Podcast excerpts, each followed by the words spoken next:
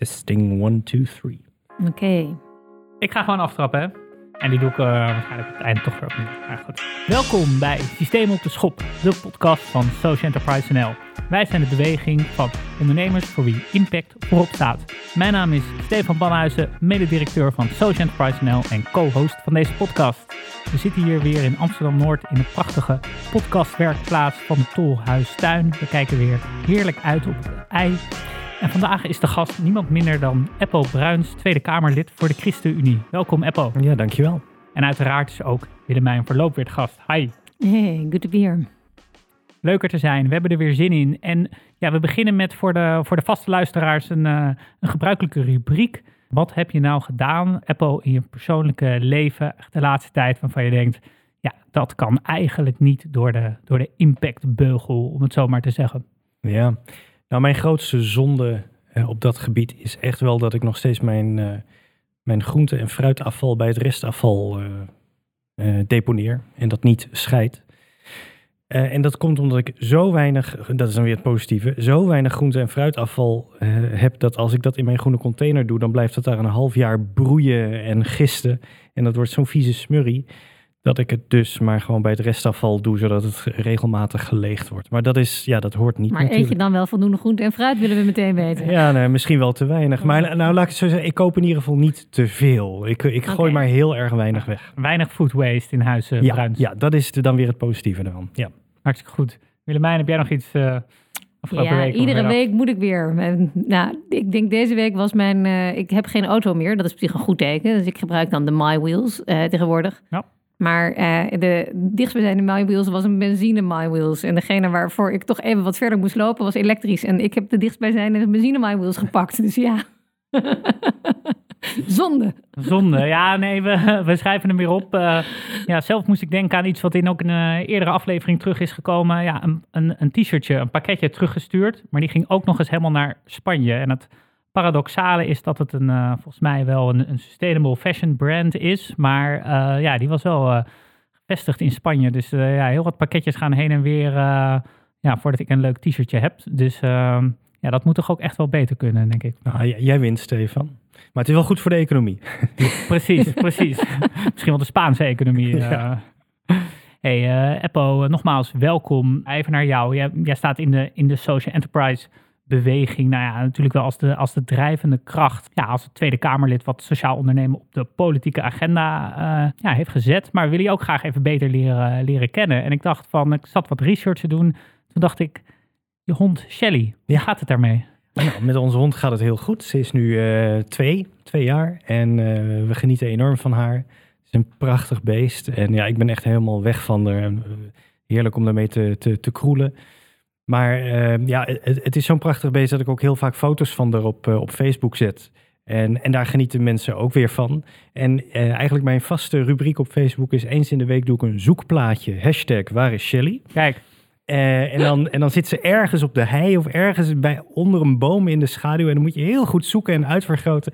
En dan kan je Shelly vinden. Er komen altijd heel veel opmerkingen van mensen van... ja, ik heb er weer gevonden hoor, ze zit bij de boom. Dus uh, ja, het, het, is een, een schat van een beest. En ja, het is een heel mooi beestje. Leuk. Dus voor de luisteraars, uh, hou dat Facebook en Instagram account van, van Apple Bruins in de, in de gaten. Hey uh, Apple, jij bent, uh, jij bent gepromoveerd uh, natuurkundige, maar je zit hier tegenover in ieder geval één en volgens mij twee ontzettende alfa's. Klopt. Kan je ons in, ja, in gewone mensentaal of alfa mensentaal uitleggen waar, jou, waar jouw proefschrift over ging?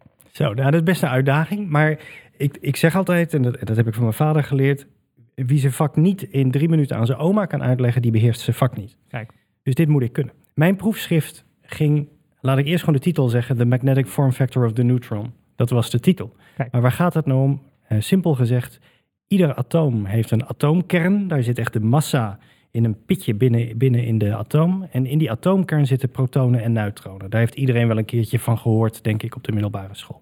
Die protonen die zijn positief geladen. En die neutronen die zijn neutraal. Dat zegt het woord al.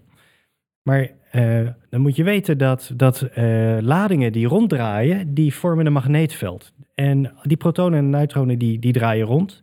Dus dan snap je al dat een proton maakt dus een magneetveld. Want het proton is elektrisch geladen.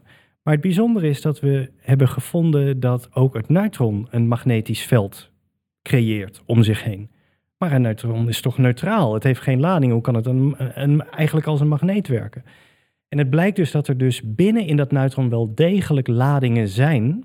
Alleen dat de positieve en de negatieve ladingen elkaar opheffen als je van grote afstand kijkt. Dus het lijkt neutraal, maar als je dichterbij komt, is een neutron helemaal niet neutraal. En wat ik heb gedaan is, ik heb gemeten aan dat magnetisch veld van het neutron. Ehm, en dat heb ik bij, eh, in omstandigheden gedaan, zodat ik echt binnen in dat neutron heb kunnen kijken. Om dus te kijken hoe die ladingsverdeling binnen in het neutron in elkaar zit. En is dat nou iets waar je nog iets aan hebt in het dagelijks gebruik, in de Helemaal politiek? niets. En hoe kom je van deze, om- van deze studie dan Ja. naar de politiek? Vind ik ook wel nieuwsgierig naar. Ja, nou, dat is wel in, in verschillende stapjes gegaan. Ik was dus echt zo'n fundo, echt super, super fundamentele wetenschap zonder enige kans op toepassing. Overigens, dat type wetenschap zorgt wel voor toepassingen door de apparatuur die je nodig hebt. Je hebt de meest slimme, high-tech, state-of-the-art apparatuur nodig om te kunnen meten wat je wil meten. Maar ook bijvoorbeeld de allersnelste computers en de grootste dataopslag. Dus daar zit dus. Ik werkte al met terabytes voordat mensen daarbuiten wisten wat een terabyte was. Tegenwoordig koop je dat bij de mediamarkt. Eh, en wij hadden daar een, een, een tape robot voor nodig in, in, in een grote airconditioned kamer.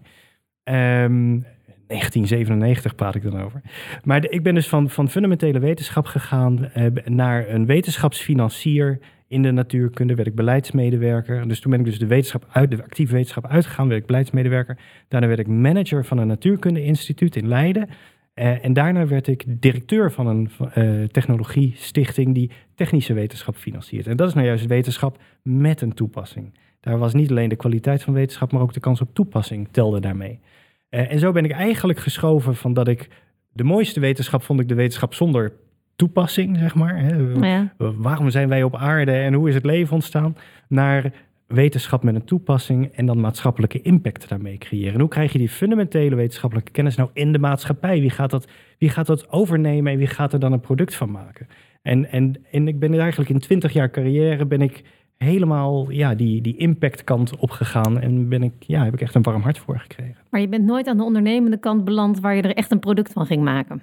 Eh, ik heb altijd aan de, aan de overheidskant gezeten, dus subsidie verlenen aan eh, universiteiten die met bedrijven samenwerkten. Ik heb wel één keer, eh, en dat is misschien wel het grootste compliment in mijn carrière geweest, van een hele slimme high-tech ondernemer van de Fleckert van Lyonix, een high-tech bedrijf, die mij ooit heeft gezegd: Eppo, jij runt STW, en dat was die stichting waar ik directeur van was, jij runt STW als een ondernemer.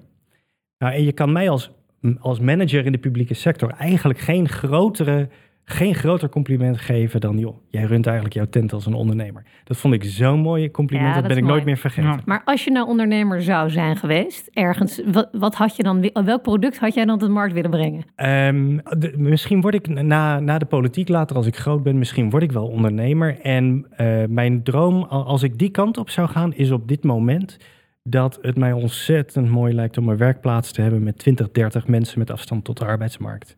Om die mensen gewoon ja, te begeleiden en, en in liefde te koesteren. Want het zijn zulke hardwerkende, loyale, eerlijke, oprechte mensen. Eh, en om daar gewoon een, een, een, eh, een productieafdeling mee op te zetten. Ergens op een industrieterrein. En dan gewoon de, de, de klanten van het industrieterrein bedienen met, met mooie productie. Gewoon eerlijk werk. En daar, dat, dat zie ik mezelf nog wel een keertje doen.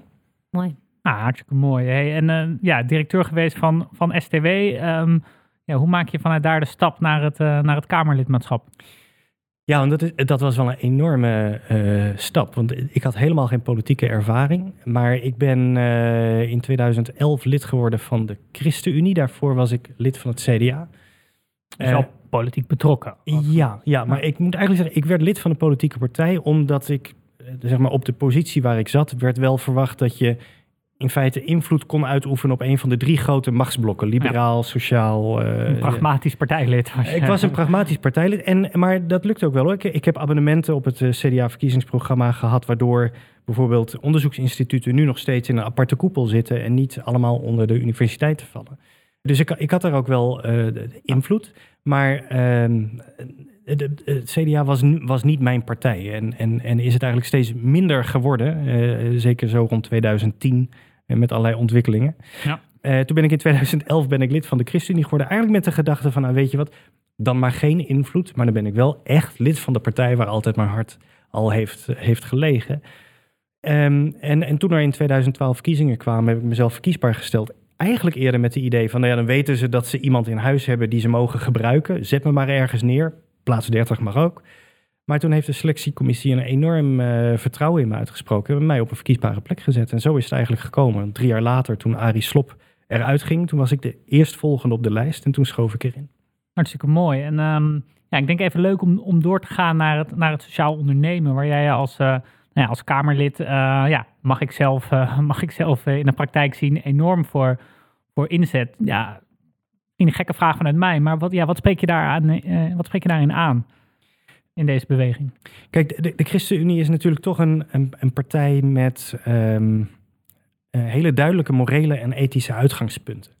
En als ik die, die uitgangspunten van de ChristenUnie vertaal naar het dagelijks leven, naar ondernemen, dan komen wij uit bij maatschappelijk verantwoord ondernemen. We komen uit bij eerlijk beprijzen. We komen bij uh, de gedachte dat alles wat werkelijk van waarde is, niet in geld is, is uit te drukken.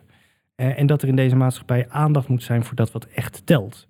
En dat zijn allerlei dingen die je niet meet, maar die we allemaal wel heel erg belangrijk vinden in ons leven.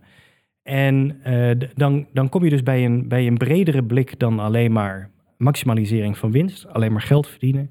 Dan kom je dus bij een brede blik op welvaart en een brede blik op economie, een brede blik op kapitalisme en een brede blik op wat ondernemen eigenlijk in zou moeten houden. En dan voel ik mij het meest thuis bij, uh, bij maatschappelijk ondernemen of sociaal ondernemen.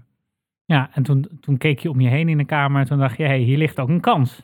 Ja, nou, ja, ik, kijk, eh, ik wil even Jan Vos noemen van de PvdA. Ja. Dat, is, dat, is de, dat was de grote uh, man. Voormalig die, Tweede Kamerlid. Zeker, ja. zeker. En, die, en die, die pakte dit op en die was een groot voorvechter daarvan. En toen ik uh, vers en nieuw in de politiek kwam, was dit zijn onderwerp. Uh, en dat had hij ook stevig vast. En ik, ik wilde heel graag met hem aan de slag. Uh, en er waren, was ook bij andere partijen was er, was er interesse voor. Alleen, ja, toen kwamen er verkiezingen en Jan Vos kwam niet terug in de Kamer. En toen kwam het een soort van natuurlijk bij mij te liggen. Um, ja, dan heb je twee keuzes. Dan laat je het liggen of je pakt het op. Ja, en dan ben ik toch die, een beetje een ondernemer in hart en nieren. Je bent toch als Kamerlid een beetje zelfstandig ondernemer. Dan pak ik het op en dan, en dan ga ik ermee lopen leuren en sleuren. Net zolang tot het wat wordt. En heb je ervoor moeten vechten binnen je eigen partij? Was dat heel erg um, voor de hand liggend? Want het blijft natuurlijk, je kan maar een aantal thema's aanpakken. Er zijn een hoop maatschappelijke thema's die aandacht behoeven. Ja.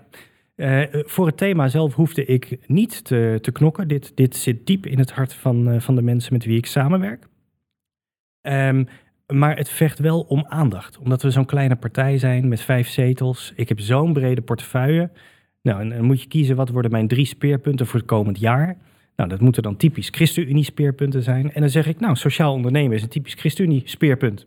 Nou, en dan moet je dat wel eens even, dan moet je dat wel even, even uitleggen. Wat zegt Gert-Jan Zegers dan? ja, nee, want, hè, want iedereen weet, hè, de, de, de, goede zorg en, ja. en, en uh, waardig ouder worden en, en schuldenaanpak, weet je, dat is allemaal ChristenUnie. Maar ondernemen, ja, ja ChristenUnie is een ondernemerspartij en is een, een partij van maatschappelijk betrokken ondernemers. We hebben een ondernemersnetwerk met bijna 100 ondernemers die niet omdat het moet, maar omdat ze het willen, gewoon op een hele mooie, eerlijke, sociale manier ondernemen.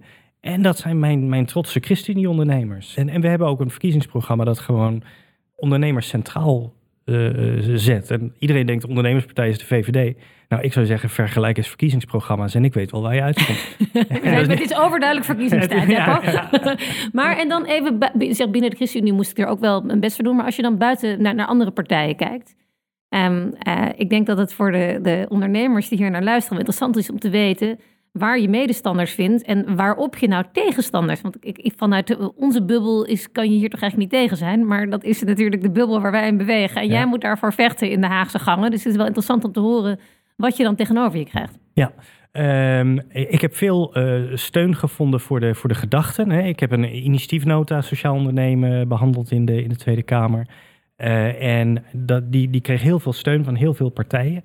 Maar er is één partij die altijd uh, ja, wat, wat zuinig reageert. En dat is dan uh, natuurlijk de VVD. Want die hebben bovenaan hun vaandel staan een gelijk speelveld. Ze willen niet dat, dat ondernemers die dan niet het label sociaal hebben of maatschappelijk, dat die dan achtergesteld worden bij de ondernemers die, die dat label wel hebben. Eh, en daarom ja, hebben zij wel twijfels, huiveringen bij het, bij het erkennen van eh, sociale ondernemingen. En welke argumenten gebruik jij dan om... Uh, nou, ik, Misschien kan ik er nog wat van leren. Ja, nou, wat ik ze in ieder geval duidelijk maak, is dat het voor mij primair gaat om het erkennen en het herkennen van sociale ondernemingen. En niet om ze nou meteen een voordeel te geven. Sterker nog, ik ben heel erg bang dat als je daar meteen zeg, belastingvoordelen aan hecht, dat je greenwashing krijgt. Dat de Rabobank ook meteen zegt, oh, wij zijn ook een sociale onderneming. En dan gaan ze hun indicatoren precies zo tunen dat dat net past, weet je wel. Uh, en, en dat wil ik voorkomen. Dus ik wil ook dat dit een soort bestendige, langdurige lijn wordt. Met een lange termijn focus. Dat past ook wel bij sociaal ondernemen. Uh, maar een lange termijn focus in de politiek. Dat we, dat we dit langzamerhand gewoon geaccepteerd krijgen als dit is normaal. Uh, maar in de tussentijd moet je wel zorgen dat die ondernemingen die net even een andere focus hebben, daarin wel herkend en erkend worden. Zodat bijvoorbeeld een, een, een gemeente of een andere overheidsdienst die per se met zo'n bedrijf wil samenwerken, zo ook makkelijk kan herkennen en kan zeggen, oh, je bent er zo in. Ja, weet je, dat, dat snap ik wel, kom maar. En dan, nou, en dan, uh, en, en dan is het gesprek gewoon een stuk makkelijker. En, en ondernemers vragen hierom. Ja, nee, helder, helder. Hè? Ik bedoel, dit, ja, dit, dit resulteert in het, in het pleidooi voor de BVM. Nou, daar hebben we de afgelopen jaren gezien dat er heel veel onderzoeken naar zijn gedaan. Is het nou echt nodig? Nou, nog een peiling onder, uh, onder ondernemers. En nou, ik denk zomer 2020 werd, uh, nou, kwam daar toch wel een stevige aankondiging van de staatssecretaris uh, Mona Keizer van ja, die BVM komt er. Ja. Was, jij, was je verrast? nou, kijk, politiek is niet alleen voor, maar ook achter de schermen hard werken. dus nee, de, de, aankondiging kwam voor mij niet als een verrassing. Ehm, het, kijk, ik, ik ben de afgelopen jaren deel van de, van de coalitie geweest. En als coalitiepartij uh, hebben we met het ministerie een duidelijke afspraak gemaakt. Uh, en dat is dat we ook uh, met deze initiatiefnota iets wilden bereiken. We hebben in het regeerakkoord ook, ook opgeschreven dat we wilden werken aan de erkenning en herkenning van sociale ondernemingen. en dan verwacht ik ook dat het ministerie levert en dan ook iets gaat doen met dat regeerakkoord. Nou, dat, dat, dat is opgepakt, die aankondiging is gedaan. En ik verwacht eigenlijk nu ieder moment dat er een wetsvoorstel van staatssecretaris Keizer openbaar zal worden gemaakt. Die inderdaad de BVM zal gaan introduceren. Ja, exact. En, en dat komt dat wetsvoorstel en ik ben nu een ondernemer en ik zit hier dringend op te wachten, want ik word niet hmm. erkend voor wat ik doe. Uh, zo hebben we er allemaal veel. En, en hoe lang gaat, kan zoiets dan nog duren voordat we daar uh, echt mee aan de slag kunnen? Nou. Ja, sorry lieve ondernemers, politiek is echt stroop en traag en oh, vreselijk. Want als ik toch terugdenk naar Jan Vossen, dan denk ik weer 2015 of zo. Uh, en dan pakken we het op en we hadden een initiatiefnota en die moest behandeld worden. En moesten moties uitkomen. Toen moest er een wetstraject gestart worden. En die wordt nu openbaar en dan gaat dat langs de Raad van State en dan komen er commentaren op. Nou, uiteindelijk, um, dit gaat voorbij aan 2021, denk ik. Maar als het als dit wederom in het regeerakkoord wordt vastgelegd, dan, uh, dan staat het ook wel rotsvast en dan gaat het ook echt gebeuren. Ja, als het niet wordt vastgelegd, gebeurt het ook, maar dan kan het weer wat vertraagd worden en langs, eh, langer duren. Maar als dit nu nog één keer helder wordt opgeschreven, dan, dan gaat er ook echt de beuk erin en dan gaat ook wel de volle wetgevingsmachine lopen. Ja, misschien inderdaad daar even voor de, om dat voor de luisteraars te verduidelijken. De, ja, er komt binnenkort een ontwerp in, in internetconsultatie, maar we gaan ook binnenkort naar de stembus. Ja, ja wat, wat, wat gebeurt er in eigenlijk, um, ik denk die, met name die periode uh, na de verkiezingen, maar voordat het nieuwe kabinet aantreedt, ja, wat gebeurt er dan met dit soort wetsvoorstellen? Wat, wat doen jullie dan? Nou, zodra de nieuwe Kamer aantreedt, dan uh, zullen ze alle documenten die er liggen, die naar de Kamer zijn gestuurd, stuk voor stuk langs gaan en zeggen: dit is controversieel, dit is niet controversieel. En dat betekent we gaan het wel behandelen of niet behandelen totdat de nieuwe regering er is. En dat betekent dus dat de formatieperiode is een wat luwe periode. Dan, dan wordt er weinig nieuws behandeld in de, in de, in de Tweede Kamer. Um, uh, maar zodra dan het nieuwe kabinet aantreedt, dan gaan alle nieuwe afspraken ook in werking. En het mooie is natuurlijk dat in de tussentijd gaat die formatie plaatsvinden. En die formatie die kijkt ook, wat ligt er allemaal nu eigenlijk te broeien in de Tweede Kamer? Dat is een, uh, een luchthavenbesluit Schiphol. En dat is een, uh, een, een, mooie wet op de maatschappelijke onderneming. En, en zo nog honderd dingen. En die gaan ze ook allemaal langs. En dan zeggen nou, daar gaan we mee door. Die pakken we zelf op. Ik heb zelf net een initiatiefwet voor een barmhartige bijstand gelanceerd. Nou, die, dus daar staan zes partijen onder. Dat gaat ongetwijfeld opgepakt worden in de nieuwe formatie. En daar gaat gewoon een nieuw kabinet gewoon mee aan de slag. Die gaan gewoon zelf een wet maken die hetzelfde doet. Nou, en zo zullen al die onderwerpen langskomen. En inmiddels ben ik er wel van overtuigd dat de sociale onderneming zo'n breed draagvlak heeft. En dat zelfs de VVD wel een beetje die kant op aan het schuiven is. Dat het, het is politiek haast onontkoombaar dat die echt in het komende jaar gaat worden opgepakt. En dat dit tot een wetsverandering gaat leiden. Ja, dat zijn mooie, mooie positieve mooi. woorden. En mede dankzij uh, jou uh, doorzettingsvermogen daartoe. Dus, uh, en geduld. En, geduld, ja. En wij, bedoel, Stefan en ik waren samen, nou, hoe lang geleden, dat we de eerste Haagse gangen doorrenden. Maar dat is ook wel zeker, inderdaad, vijf jaar geleden, uh, zes jaar geleden. Ja, 2014 denk ik. Ja. En um, die brede coalitie hebben we altijd wel gevoerd, gevoeld. Al die partijen die zeggen, ja, belangrijk, maar wie gaat er dan ook op betting point staan, zoals iemand mij ooit uitlegde, en geeft er een goede klap op? Nou, dat is dus belangrijk. Ja, nou, ik vond het heel leuk om te doen en ook heel, heel eervol. Uh, ook omdat ik denk dat het een onderwerp is wat nu uh, nog steeds uh, zeg maar als heel vernieuwend wordt ervaren. Maar waarvan, als we er over tien jaar naar terugkijken, iedereen zegt: waarom hebben we dat niet gewoon een decennium eerder gedaan, weet je wel?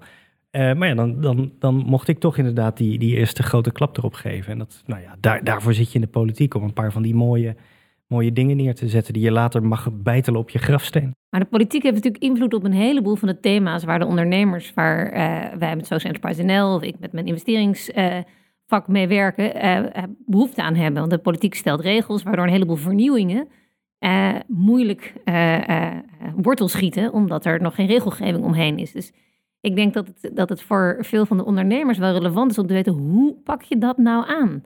Want de BVM hebben we net beschreven, lang traject, maar de willekeurige onderneming die vastloopt op de wetgeving rond arbeidsparticipatie of wetgeving rond recycling van petflessen, waar wat allemaal veel te lang duurt. Ik verzin maar wat. Ik bedoel, Stefan kan vast drie concrete voorbeelden uit zijn mouw schudden zo, maar hoe moeten die dan dat dan aanpakken? Dat lijkt me wel relevant voor het luisteren van wat, hoe, hoe moet je dan zelf door die Haagse gangen gaan rennen? Hoe verander je de regels? Ja, nou, nou wat ik in ieder geval heel mooi vind om te zien, uh, zeker als het gaat om sociale ondernemingen, is dat ondernemers het gewoon doen. Ook zonder die wet die er nu is, ze zijn er gewoon. Uh, en ook bij het economiedebat dat ik uh, een paar dagen geleden had, zaten weer drie trotse ondernemers die, die gewoon het zijn gaan doen, ondanks al die regelgeving. En daar wil ik vooral de ondernemers toe oproepen. Laat je niet ontmoedigen door die Haagse stroop. Uh, daar, daar zorg ik wel een beetje voor dat dat blijft stromen. Maar ga het gewoon doen. Maar als je regels wilt uh, veranderen, dan heb je wel uh, het, nodig dat je massa kan bouwen. En daarom zie ik heel erg uit naar deze wet. Straks hebben we de BVM-status. Dan gaan er ondernemers die gaan dat aanvragen. Die vormen straks een speciale groep een, een, een, een sector. En die kunnen dan hun stem laten horen. Ook via Social Enterprise NL. Die dat nu, ik bedoel, dat dit gebeurt, komt al dankzij Social Enterprise NL. Omdat die deze groep vertegenwoordigen. Genoteerd. ja, maar, maar, maar straks eh, zijn er nog meer. En dan, zoals we op dit moment bijvoorbeeld in de regelgeving een MKB-toets hebben. We zeggen als het goed is voor het MKB, is het goed voor het bedrijfsleven. Dus alle regelgeving moet langs de MKB-meetlat. Zo ben ik ervan overtuigd dat we over vijf jaar zeggen: het moet langs de social enterprise meetlat. Want dan is het goed voor het bedrijfsleven en dan is het goed voor de samenleving. En, uh, en die erkenning van sociale ondernemingen is daarvoor nodig om die massa te bouwen en uiteindelijk ook op regelgeving invloed te hebben. Ik ga er ook nog even op, op in, hè, want ik, nou, toevallig deze week nog een uh, ondernemer aan de lijn en um, die werkt inderdaad met mensen met een arbeidsbeperking, maar die vallen dan niet onder het doelgroepenregister. Dat is uh, voor jou waarschijnlijk een, een bekende discussie. En uh, nou, zij mailt mij. En uh, nou, ja, wie moet ik hebben? Hoe gaan we dit belobbyen? En nou, ja, zeker een belangrijk onderwerp. Maar je moet daar ook een beetje de verwachtingen temperen. Van ja, in welk tempo gaan dit soort verwachtingen? Of ja, gaan dit soort veranderingen? Maar toch is het wel interessant van ja, wat zijn de top drie tips voor ondernemers die, die alles wel zelf doen, maar toch tegen de regels aanlopen en die regels willen ombuigen? Ja, wat, ja. Wat moet je doen? Stap 1 zoek medestanders of eh, hoe? Uh... Massa zei je net. Je hebt massa nodig. Dat heeft natuurlijk niet iedereen. Kijk, een Tony Ciccone kan massa voor een, voor een, uh, een, een, wet over kinderarbeid uh, creëren, maar dat kan niet iedereen. Dus nee. wat, wat, wat zijn jouw aanbevelingen? creëer massa, hè, dus sluit je aan bij Social Enterprise NL. Die zijn echt hoorbaar en zichtbaar in het, in het parlement. Maar eigenlijk de beste tip die ik heb is bel gewoon een Kamerlid. Het, het, het leuke van Nederland is, en dat dat realiseert niet iedereen zich. Um, de democratie is echt heel dichtbij. Ik ben belbaar, ik ben mailbaar. Jij neemt op? Uh, ik neem op, ja, zeker. Als je Ja, onbekende 06-nummers niet, maar als je nou even een appje stuurt van ik ben die en die, ik wil je graag bellen, dan krijg je mij een berichtje terug, kan je me, en dan, en dan neem ik op. Eh, en, dan ga, en, dan, en dan ga ik ermee aan de slag. En misschien dat ik niet meteen dingen kan oplossen, maar het wordt dan wel deel van het, van het hele politieke taalgebruik, dat we dat probleem gaan aansnijden en dat we gaan, problemen, eh, gaan kijken of we met dat probleem iets, iets aan kunnen. En, en zoals je al zegt, eh, mensen met afstand tot de arbeidsmarkt, de participatiewet is een gedroogd. Het, is, eh, het bestaat nu een jaar of vijf, zes, maar ja, er, er, is een evaluatie geweest. Het is gewoon mislukt. Dat, dat wat, er, wat de bedoeling was, meer participatie, dat is gewoon mislukt. En het is qua regelgeving zo ingewikkeld. En voor onder, ondernemers is het zoveel werk om met, met mensen met een afstand tot de arbeidsmarkt uh, aan te nemen. Uh, telkens weer verschillende regelingen en iedereen zit in een andere regeling. Maar goed, als we dat nu, nu komt er een nieuw kabinet en die gaat dan met een nieuwe participatiewet komen. Is, is, is, is dat dan wat ondernemers nodig hebben? Of, uh... Nou, maar dit is wel een specifiek probleem ja. van de sociale zekerheid. Dat iedereen die bepaalde rechten heeft, behoudt ze ook. He, dus als je ooit in de Wajong zat, dan val je nog onder de Wajong, ook al is de Wajong afgeschaft. Als je in een SW-bedrijf werkte, dan blijf je volgens de, de voorwaarden van het SW-bedrijf werken, ook al worden SW-bedrijven omgevormd. Hoe vaker er nieuwe regelingen komen, hoe ingewikkelder het wordt. Het wordt steeds ingewikkeld. het wordt opgestapeld, opgestapeld. En dat is op de arbeidsmarkt en, en uh, in de sociale zekerheid een groot probleem. Uh, en ik heb uh, wel mijn hoop gezet op een, een rapport van een commissie onder leiding van Hans Borstlap, dat we de ja. arbeidsmarkt echt radicaal moeten hervormen.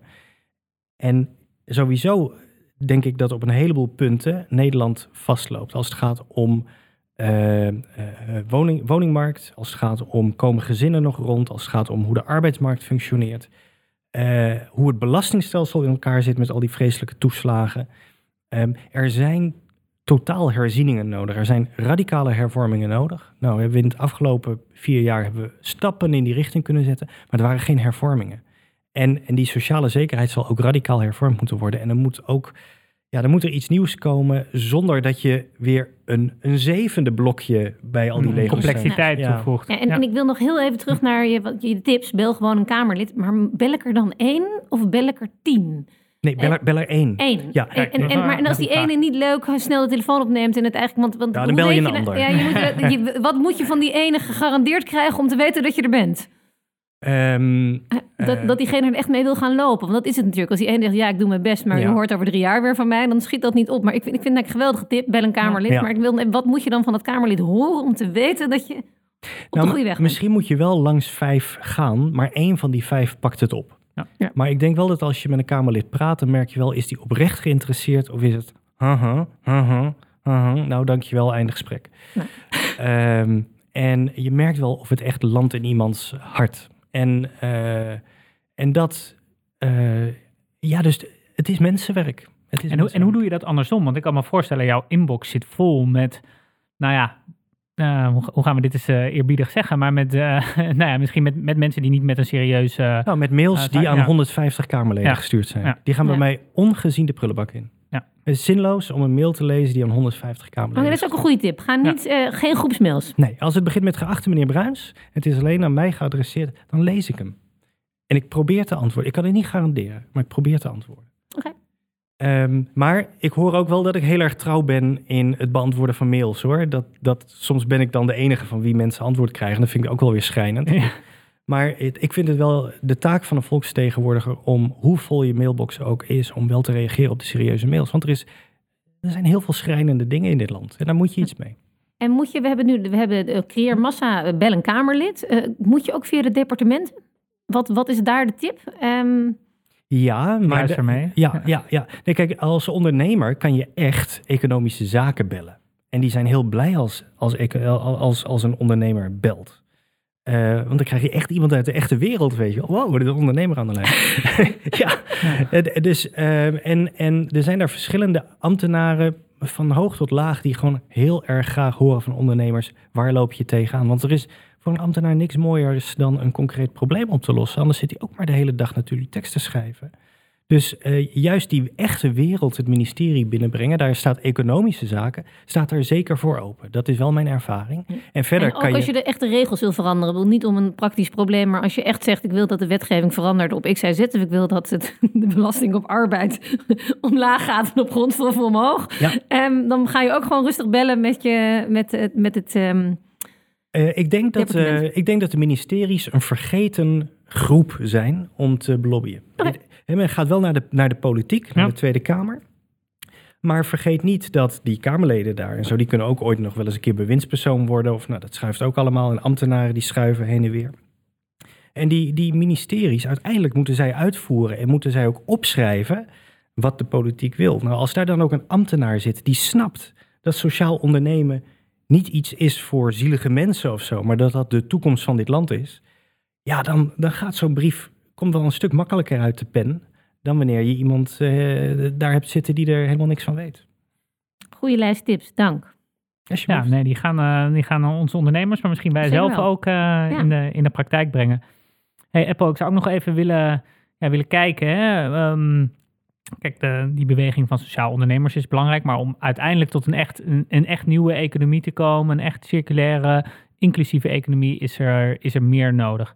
Wat zijn volgens jou belangrijke stappen daarin die een, die een volgend kabinet moet nemen? Ja, ik denk dat het. Um, uh, dat daar de, de, dat de, radicale belastingherziening wel uh, bovenaan mijn lijstje staat. Het is niet een sexy onderwerp, het is een heel technisch onderwerp.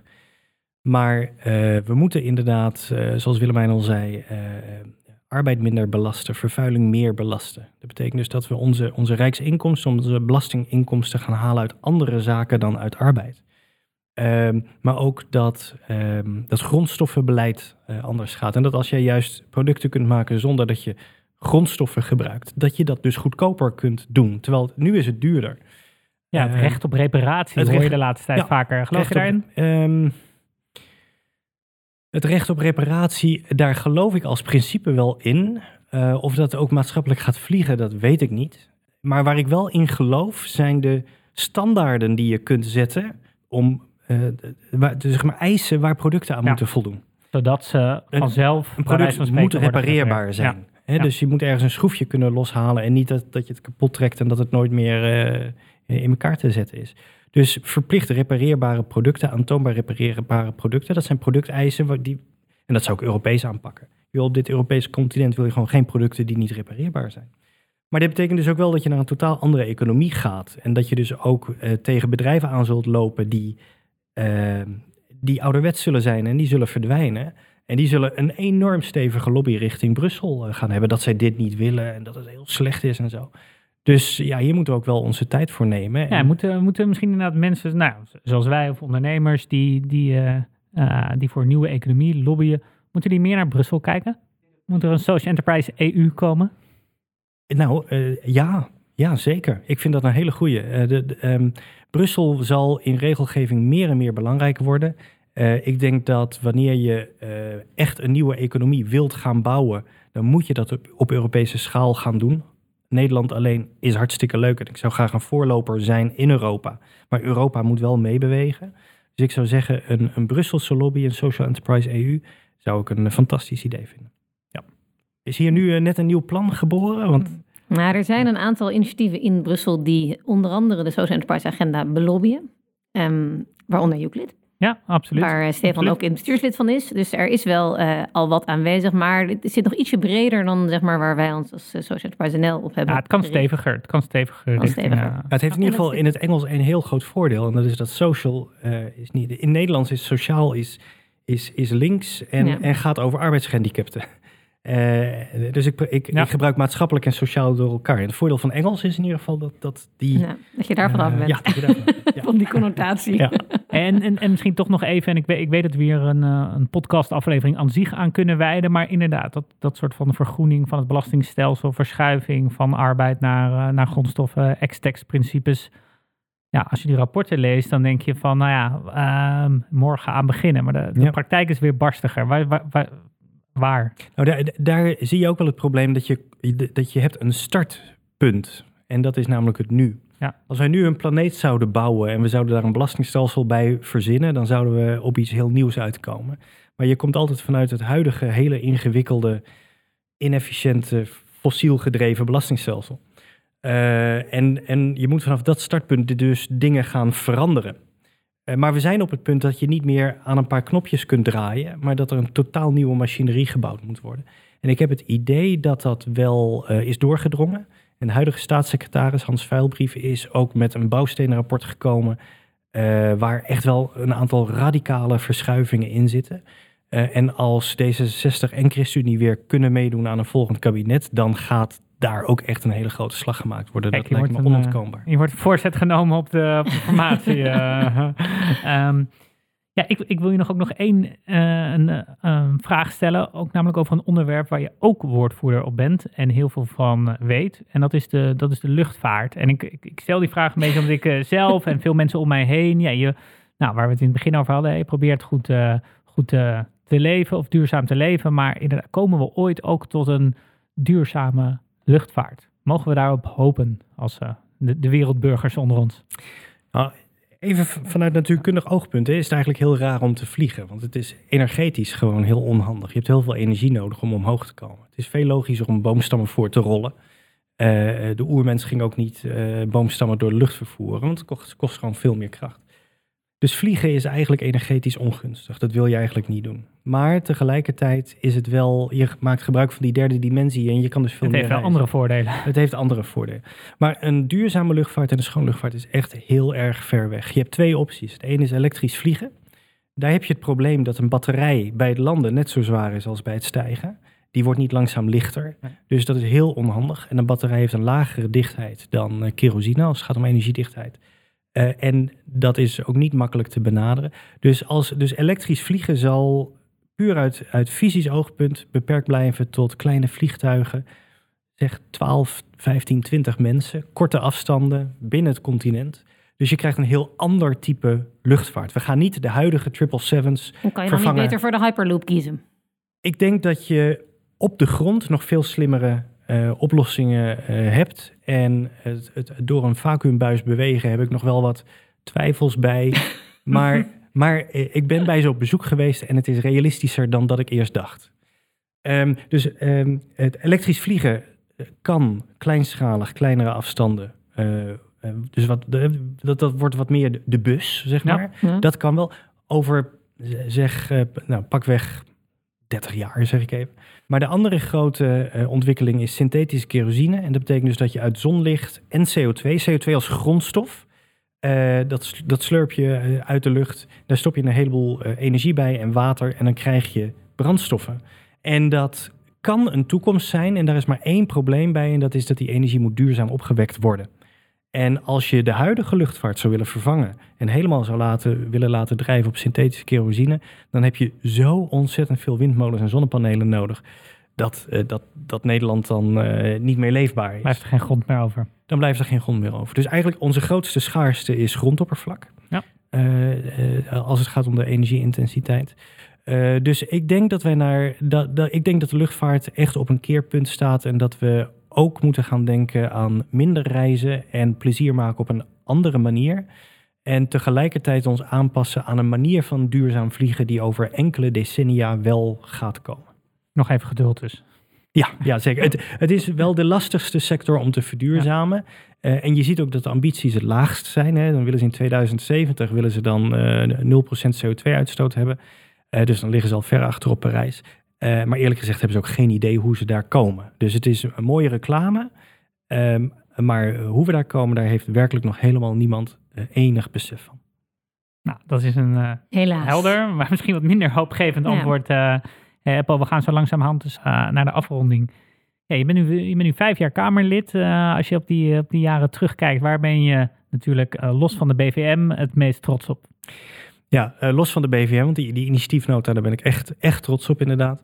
Wil ik één ding noemen om aan te geven hoe mooi soms het kleine is. Want we hebben heel veel grote dingen gedaan uh, met, met, met, met inderdaad stappen in, in het belastingstelsel en dat soort dingen. Maar um, iets wat gewoon heel mooi en heel klein is en het heeft geen cent gekost. Dat is dat leerlingen van het praktijkonderwijs uit de praktijkscholen, die krijgen tegenwoordig een diploma. En dat zijn dus, ja, dat zijn, het zijn kwetsbare leerlingen. Die, die krijgen maatwerkonderwijs op kleine scholen. En die kregen nooit een diploma. Dus die kwamen van school af en al hun vriendjes en vriendinnetjes hadden een diploma en zij hadden geen diploma. Nu is de wet veranderd. En het was een hamerstuk. We hebben er niet eens over gedebatteerd. Iedereen vond het nodig. De kindjes van het praktijkonderwijs krijgen een diploma. Het heeft niets gekost. Supermooi. Maar Ja. hoe Ja. ben je daartoe gekomen? Was dat dat ene kind wat jou belde en zei... Eppo, ik krijg geen diploma? Het was die ene directeur van een praktijkschool die mij uitnodigde van kom eens kijken bij ons op een open dag. Ik wist niet wat een praktijkschool was. Sterker nog, ik was nog niet eens een politicus. Het is bijna tien jaar terug. Toen ben ik daar gekomen. Ik ben verliefd geworden op dat onderwijs. Dat daar leraren met hart en ziel maatwerkonderwijs bieden aan kwetsbare leerlingen. En gewoon, ze, le- ze leren dat waar die, waar die kinderen talent voor hebben, dat leren. Heb je talent om banden te plakken, leer je banden plakken. Heb je talent om een ei, Oh ja, ei te bakken, leer je een ei te bakken. En, eh, en daar gaan ze mee aan de slag. En die leerlingen die, die, die leren daar, die leren een vak, de wat precies bij hun past.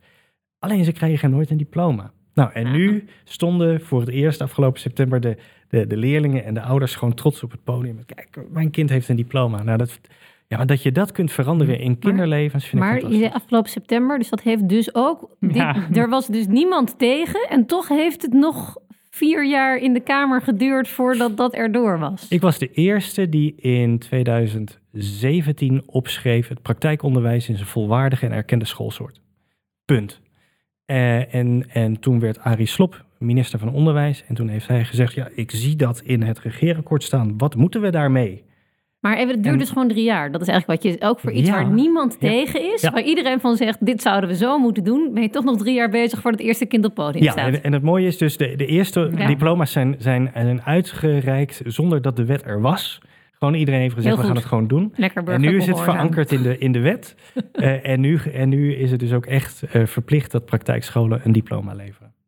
Mooi, super mooi. dankjewel voor delen. Ja, mega belangrijk. En eh, nou ja, de verkiezingen staan natuurlijk voor de deur. Eh, ja, zien we je terug na 17 maart? Eh ambieer je een, eh, een word je bewindspersoon? Ik zie mijzelf terugkomen. Ik denk dat, ik, dat ik nog niet klaar ben in Den Haag. Ik heb, ik heb daar een groot geloof voor dat wij zeven zetels zullen halen, kunnen halen. En ja, er is nog zoveel moois te doen. En ik vind het zo eervol om daar te mogen werken. En ja, de- in ChristenUnie-termen om mijn volk te mogen dienen. Voor sommigen zijn, eh, zien, politici als, als iets met hele lage status, zeg maar. En, maar ik, ik vind het een buitengewoon eervol beroep dat ik dat mag doen. Dus ik zou het heel graag eh, ja, nog wel een periode willen doen. helder, helder. Hey, en ehm, ja, Eppo, we sluiten, we sluiten iedere aflevering altijd af met de, met de vraag. En die is dan vaak aan ondernemers. Hè. Voor welke andere eh, sociale onderneming zou je even ongegeneerd reclame willen maken? Maar voor jou, ja, voor welke, welke onderneming wil je even in het, in het zonnetje zetten? De onderneming die ik in het zonnetje wil zetten is het grootste familiebedrijf van Nederland, Rijkzwaan. Een groenteveredelingsbedrijf in De Lier. Eh, een, een heel mooi familiebedrijf, eh, al heel oud. Het heeft inmiddels 3.500 werknemers in 30 landen. En waarom ik het zo'n mooi bedrijf vind is, hun missie is, wij willen graag blije werknemers. En eh, de directeur van, eh, eh, van dat bedrijf, die, die reist de, de, de wereld rond om ook te vertellen over zijn bedrijf. En allerlei andere, andere groenteveredelingsbedrijven in de wereld, die vragen aan hem, hoe komt het toch dat jullie zoveel winst maken? Want het is het best lopende veredelingsbedrijf ter wereld, financieel gezien. En hoe komt dat er? Dat? En, ja, en dan moet hij altijd vertellen, ja, dat komt omdat wij blije werknemers hebben. En dan kijken ze hem altijd eerst aan en dan geloven ze dat niet. En dan moet hij echt uitleggen dat dat echt hun missie is. En als je daaraan werkt, dat je blije werknemers hebt, dan komt de rest vanzelf. Die blije mensen, hoe krijgen ze die zo blij dan? Want dat is dan de, de hamvraag hier.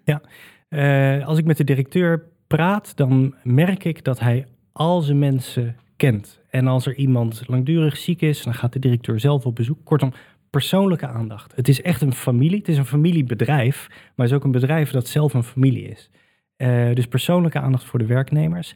En de- een tweede geheim is denk ik dat ze heel veel investeren in innovatie. Dus heel veel ontwikkelruimte geven aan hun mensen. En als er nieuwe gekke ideeën zijn, dan, gaan ze, dan krijgen hun werknemers ook echt de ruimte om dat te ontwikkelen. En met hun nieuwe gekke ideeën aan de slag te gaan. Dus de impact van dit bedrijf is voor jou het feit dat ze investeren in hun mensen. Dat is het. Mooiere manier om deze, deze podcast af te sluiten, denk ik. Eh, dank Eppo Bruins. Dank ook Willemijn weer. Luisteraars, dank voor het luisteren. Vergeet niet te abonneren in je favoriete podcast-app. En dit was Systeem de Schop. Dankjewel.